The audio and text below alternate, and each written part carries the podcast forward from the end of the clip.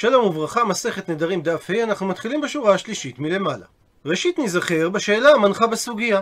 למה התכוון שמואל כשהוא אמר שבכל הלשונות שהזכירה המשנה, אין הנדר חל עד שהוא יאמר גם את החלק השני של המשפט, שאני אוכל לך או שאני תואם לך. ובסוף עמוד ד' הגיעה הגמרא למסקנה, ששמואל התכוון לומר, שכיוון שהנודר פירש את דבריו ואמר, שאני אוכל לך או שאני תואם לך, אז הוא התכוון לאסור את עצמו בלבד. ולכן אמרה המשנה אסור, אבל לחברו יהיה מותר ליהנות ממנו. אבל אם הוא לא נקט את הביטוי שאני אוכל לך, לדוגמה אם הוא אמר מודרני הימך, או מופרשני ממך, או מרוחקני ממך, בלי להוסיף על כך את המשך המשפט שאני אוכל לך, אז במקרה כזה שניהם, גם הנודר וגם המודר, יהיו אסורים. שהרי בלשון מודר אני, אוסר הנודר את עצמו ואת נכסיו מהמודר, ומהלשון הימך או ממך, הוא אוסר על חברו ועל נכסי חברו הנאה ממנו. כי אם לא כן, אז אין משמעות למילה ממך, שהרי הוא לא אוסר על נכסיו ליהנות מחברו, אלא בהכרח שהוא אוסר על חברו ליהנות מנכסיו. ואמרה הגמרא שזה תואם לדברי רבי יוסי ברבי חנינא, שאמר שכאשר אדם אומר לחברו מודרני הימך, שניהם אסורים. ומקשה על כך הגמרא תנען, הרי המשנה בדף מ"ז אומרת שאם אדם אמר הריני עליך חרם, המודר אסור בהנאה, מהנודר ומנכסיו. הוא מדייק את הגמרא, אבל המדיר לא אסור בהנאה מהמודר ומנכסיו. אבל לפי מה שהסברנו נשאלת השאלה מדוע? הרי המילה עליך כוללת גם את חברו ונכסיו, וכיוון שכן, אז אף המדיר ייאסר בהנאה מהמודר ומנכסי המודר, שהרי ודאי שהוא לא התכוון שנכסי חברו יהיו אסורים בהנאה ממנו. מתרצת הגמרא כגון פריש ואת עליי לא. זאת אומרת שבהמשך למשפט שהוא אמר הריני עליך חרם, הוא המשיך ופירש ואת עליי לא. אבל אם הוא היה אומר את המשפט הריני עליך חרם ולא ממשיך ומפרש שהמודר אינו בחרם על הנודר, אז הדין כשמואל וכרבי יוסי ברבי חנינא, שאכן שניהם, גם הנודר וגם המודר, היו אסורים. ממשיכה הגמרא להקשות מהמשך המשנה. שאם אדם אמר, את עליי חרם, הדין במקרה כזה שהנודר אסור. הוא מדייק את הגמרא, אבל המודר לא אסור. ושוב נשאלת השאלה, מדוע המודר לא אסור? שהרי הלשון עליי כוללת גם את הנודר עצמו ואת נכסיו, ולפי מה שהסברנו בדברי שמואל ורבי יוסי ברבי חנינא, היה צריך גם המודר להסר בהנאה מהנודר ומנכסיו, שהרי הוא לא התכוון לאסור על נכסי עצמו את הנאת המודר, אלא בהכרח הוא התכוון לאסור על המודר את ההנאה מנכסיו. ובדומה לתשובה הקודמת, גם כאן מפרשת המשנה, כגון פריש ואנה הלך לו, שבהמשך למשפט את עלי חרם, הוא הוסיף ופירש שאני עליך לא בחרם. אבל אם כך מדייקת הגמרא, כאשר הוא אמר את עלי חרם בסתמה, ולא פירש שאני עליך לא בחרם, מה יהיה הדין? ששניהם יהיו אסורים? והרי המדקתני סיפא. מזה שכתוב בסוף המשנה שם, שאם הוא אמר הריני עליך ואת עליי, אז הדין ששניהם אסורים. מדייקת הגמרא שרק במקרה כזה הדין הוא דשניהם אסורים. הסתמה, אבל אם הוא אמר בסתם את עליי חרם, במקרה כזה הדין יהיה שהוא אסור וחברו מותר. והדיוק הזה סותר את דברי רבי יוסי ורבי חנינא, שמי שאמר מודרני עמך, שניהם יהיו אסורים. אלא אומרת הגמרא, הכי איתמא. כך צריך להסביר את מה שאמר דרבי יוסי ברבי חנינא. שאדם שאמר מודר אני לך, שניהם אסורים. אבל אם הוא אמר מודני עמך, הוא אסור וחברו מותר. הוא מסביר הר"ן שהלשון לך, יש בה שתי משמעויות. יש בה משמעות שלך נכסי אסורים, ויש בה משמעות שאני הנודר אסור משלך, ולכן במקרה כזה שניהם יהיו אסורים. מה שאין כן בלשון הימך או ממך, שיש רק משמעות אחת, שלנודר אסור ליהנות מהמודר, אבל המודר מותר ליהנות מהנודר. מסביר הר"ן שבשלב הזה הגמרא מבינה שכיוון שהמשנה אמרה אסור פעם אחת ולא פעמיים, דייק מכך שמואל שרק הנודר נאסר ולא המודר, כיוון שהוא צירף את החלק השני של המשפט ואמר שאני אוכל לך, שעל ידי כך אפילו אם הוא אמר בחלק הראשון של המשפט מודר אני לך, זה לא אומר ששניהם אסורים בגלל החלק השני של המשפט שמפרש שרק הוא אסור אבל חברו מותר. אבל אין לדייק מדברי שמואל שאם הוא לא אמר את החלק השני אז בכל מקרה שניהם יהיו אסורים. כי זה נכון רק כאשר הוא נקט את המילה לך, שאז שניהם אסורים. מה שאין כן אם הוא אמר רק את החלק הראשון והשתמש במילה הימך, שכפי שהסברנו אין בה כפל משמעות, הדין יהיה שהנודר אסור וחברו מותר. מקשה על כך הגמרא והמתניתין דקטני. הרי במשנה שלנו כתוב מודרני ממך, שזה מקביל למילה הימך, והוקימנה למתניתין, והעמדנו את המשנה לשיטת לשמואל, שבכולן, דהיינו בכל הלשונות, רק עד שיאמר ויצרף את החלק השני שאני תואם לך או ושאני אוכל לך הוא דאסור וחברו מותר. אבל אם הוא אמר רק את החלק הראשון של המשפט במודרני אימך, הרי הדין יהיה ששניהם אסורים. הוא מסביר הר"ן שלגמרא קשה מדוע סתם שמואל את דבריו ואמר שבכל הלשונות שהוזכרו במשנה, בין אם הוא נקט לשון של הימך, בין אם הוא נקט לשון של לך, כיוון שהוא סיים את החלק השני של המשפט והוסיף שאני אוכל לך, אז הדין שהוא אסור וחברו מותר. כי מסתימת דבריו משמע, שגם אם הנודר נקט רק את הלשון של הימך, הדין יהיה ששניהם אסורים. וזו ודאי הבנה שגויה בדברי שמואל, שהסברנו בדבריו שבלשון הימך יש משמעות אחת, ורק בלשון לך יש שתי משמעויות, ואז שניהם יהיו אסורים. ולכן חוזרת בה הגמרא, ומפרשת את דברי שמואל בצורה אחרת, אלא מעיקרא דשמואל אחי יתמר.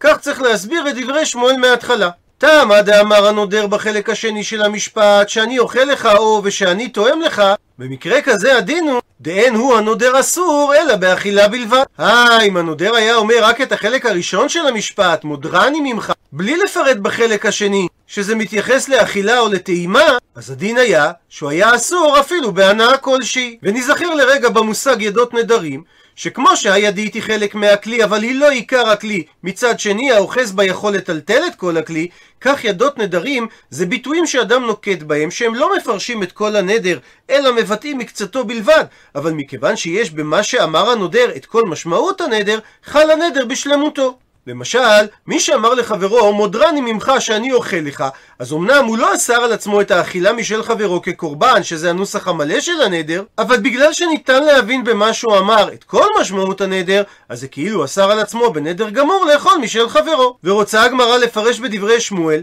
שגם אם הנודר השתמש בידיים שאינן מוכיחות, דהיינו בלשון, שלא ניתן לומר שבאופן חד משמעי אוסרת עליו הנאה בחברו, בכל זאת הביאן ידיים. זה נחשב כידות נדרים, ומשום הכי, כאשר הוא אמר רק את החלק הראשון של המשפט, מודרני ממך, הוא יהיה אסור אפילו בהנאה כלשהי. מקשה על כך הגמרא, יהיה הכי, אבל אם כך שאנחנו מסבירים, שלפי שמואל אם אדם אמר מודרני ממך, הוא יהיה אסור אפילו בהנאה כלשהי, אז למה שמואל אחי? שמואל צריך היה להתנסח באופן הבא.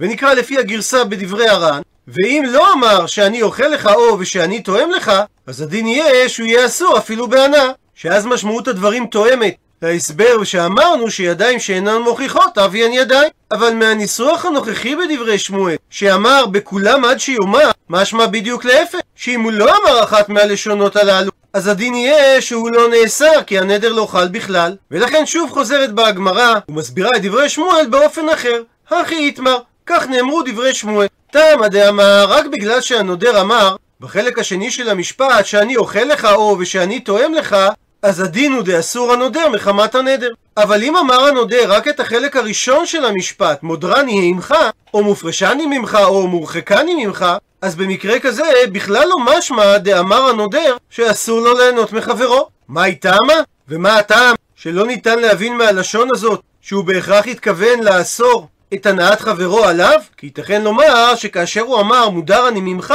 בעצם לא משתאינה בהדך משמע. משמעות דבריו הייתה, אני לא אדבר איתך. ושמא, כאשר הוא אמר מופרשני ממך, אז בעצם דלא אבידנה עמך משא ומתן משמע. שמשמעות דבריו הייתה שהוא לא יעשה עם החבר משא ומתן. ושמא כאשר הוא אמר מרוחקני ממך, בעצם דלא כאמינא בדלת אמות דילך משמע. שמשמעות דבריו הייתה שאני אהיה מרוחק ממך ואני לא אעמוד בארבע אמותיך. ולכן אם הוא לא אמר את החלק השני של המשפט שאוכל לך, או שאני תואם לך, אז הוא יהיה מותר בהנאה מחברו. שהרי ניתן להסביר את הלשון שהוא נקט בחלק הראשון של המשפט במשמעות כזאת שאין בה כלל איסור. הפכנו דף, אבל אם כך שואלת הגמרא, לאמא כסבר שמואל, האם נאמר ששמואל סובר שידיים שאין מוכיחות לא הביאן ידיים? שהרי הסברנו ששמואל דייק מלשון המשנה, שאם אדם אמר רק את החלק הראשון של המשפט, לא חל עליו שום איסור, שהרי אנחנו לא יודעים האם הוא התכוון לאסור עצמו בהנאה מחברו, או לאחד מהפירושים שהזכרנו בסוף העמוד הקודם. וזה נחשב ידיים שאין מוכיחות, שלפי שמואל הן לא נחשבות לידיים. ואם כך בהכרח, אין אכן שמואל מוקים לה למתניתין, שמואל בהכרח מעמיד את המשנה כרבי יהודה דאמר ידיים שאין מוכיחות לא הביאן ידיים. והמקור לכך דתנן, שכך שנינו במסכת גיטין, שלפי תנא קמא גופו של גט, דהיינו עיקר הגט, שיהיה כתוב בו הרי את מותרת לכל אדם, רבי יהודה חולק ואומר, דהי לא כתוב, גם את המשפט הבא, ודין דיהווה לכי מיני ספר תירוכין ואיגרת שיווקין, ובתרגום לעברית, ושטר זה יהא לך ממני ספר גירושין ואיגרת עזיבה, אז זה נחשב ידיים שאין מוכיחות, ולא ניתן לגרש בגט הזה, כי אולי הוא התכוון לגרש אותה בדיבור בלבד, ואת הגט הוא נתן לה רק כראיה. הרי ששיטת שמואל תואמת לשיטת רבי יהודה, שידיים שאין מוכיחות אינן נחשבות לידיים. ומקשה הגמרא, עמי דחיק, מדוע דחק שמואל?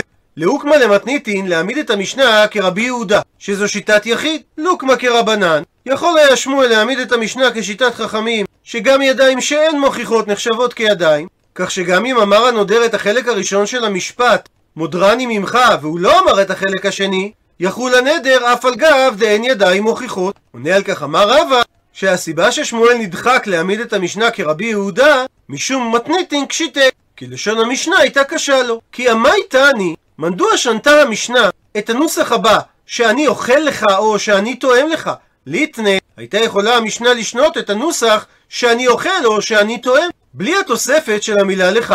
אלא שמע מינה מהתוספת של המילה לך, שעל מנת שיחול הנדר, באינן צריך ידיים מוכיחות. ומביאה הגמרא איתמר פתיחה למחלוקת המוראים. ידיים שאין מוכיחות. אביי אמר, הביאן ידיים, זה בכל זאת נחשב כאילו הוא אמר את הנוסח המלא, ורבא אמר, לא הביאן ידיים. זה לא נחשב כאילו אמר את הנוסח המלא.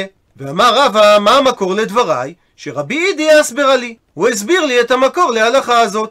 אמר קרא, שהרי כתוב בפסוק, נקרא בפנים, דבר על בני ישראל ואמרת עליהם, איש או אישה, כי יפלי לנדור נדר נזיר, להזיר לאדוני. ומסמיכות המילה נדר למילה נזיר, מקיש הפסוק, ידות נזירות לנזירות. מה נזירות בהפלאה? אף ידות נזירות בהפלאה. הוא מסביר הר"ן, כמו שאומר רבי טרפון במסכת נזיר, שמי שראה את חברו ואמר הרי אני נזיר אם זה נזיר והוא לא הכיר בחברו באותה שעה שהיה נזיר אז אף על פי שנודע לאחר מכאן שחברו היה נזיר אין נזירות חלה עליו משום שבשעה שנזר צריך שתהיה הפלאה שכך לשון הפסוק איש או אישה כי יפלי לנדור נדר נזיר לשם והמשמעות היא שכדי שהנדר יחול הוא חייב להיות באמירה מפורשת וברורה אז כך גם ידות נזירות חייבות להיות ידיים ברורות וידיים שאין מוכיחות אינן נחשבות כידיים. אבל אם כך שואלת הגמרא, לימה, האם נאמר שבפלוגתא דרבי יהודה ורבנן כמפלגי נחלקו רבא ואביי? דתנן, שהרי שנינו במשנה במסכת גיטין, גופו של גט הרי את מותרת לכל אדם, לפי תנא קמא שזה רבנן זה נחשב כגט, ורבי יהודה אומר שזה לא נחשב גט עד שיופיע המשפט הבא, ודין דיהוי ליכי מינאי ספר תירוכין וגט פיטורין ואיגרת שבוקין. אז האם ייתכן לומר שאביי דאמר כרבנן שידיים שאין מוכיחות נחשבות ידיים, ורבא דאמר כרבי יהודה שידיים שאין מוכיחות לא הוויין ידיים? וכיצד ייתכן שהאמוראים יחזרו ויחלקו במחלוקת של תנאים שקדמו להם? מתרצת הגמרא שכל אחד מהאמוראים יכול להסביר ששני התנאים סוברים כדבריו. אמר לך אביי, אנא דאמרי, מה שאני אומר מסתדר אפילו לרבי יהודה. כי עד כאן לא קמה רבי יהודה שבאינן שחייבים ידיים מוכיחות כדי שזה ייחשב ידיים, אלא דווקא גבי גט, דבאינן כריתות ולקה. כי בגט צריך באופן ברור שתוכן הגט יוכיח שהגט עצמו הוא דבר שכורת בין האיש לאישה, שכך כתוב בתורה לשון כריתות. ואם לא כתבו את המשפט ודין דיהוי ליכי מינאי ספר תירוכין וגט פיטורין ואיגרת שבוקין אז אין פה את הכריתות שהתורה דרשה שיהיה בגט אבל בעלמא מי שמעת ליה? אבל האם בדינים אחרים אמר רבי יהודה שידיים שאינן מוכיחות לא נחשבות ידיים? ולכן אומר אביי שבעניין נדרים רבי יהודה סובר שידיים שאין מוכיחות הוויין ידיים ורבא מצידו אמר אנא דאמרי, מה שאני אומר, שבנדרים ידיים שאין מוכיחות לא אביאן ידיים, זה מסתדר אפילו לרבנן. כי עד כאן לא כאמרי רבנן, דלא בעניין ידיים מוכיחות, אלא גבי גט. שרק לעניין גט אמרו חכמים, שניתן להסתפק אפילו בלשון כזאת, שהיא נחשבת ידיים שאין מוכיחות. הפכנו דף, והסיבה לדבר, שהרי דאין אדם מגרש את אשת חברו. ולכן כאשר הוא כתב לה בגט, הרי את מותרת לכל אדם, ודאי שהוא התכוון לאשתו, שהרי אין לו שום סמכות לגרש אשת איש של אדם אחר. ולכן אפילו שהמשפט הזה הוא ידיים שאינן מוכיחות, עצם הסיטואציה של הגט מוכיחה שהוא התכוון לאשתו, ולכן ניתן לגרש בגט כזה. אבל בעלמא מי שמעת להו? אבל בשאר דינים, האם שמענו שחכמים אמרו שידיים שאין מוכיחות אביאן ידיים? ולכן אומר רבא שחכמים סוברים כמותו, שבנדרים צריך ידיים מוכיחות, ואם יש לנו לשון שהיא ידיים שאין מוכיחות, זה לא נחשב ידיים. עד לכאן דף ה'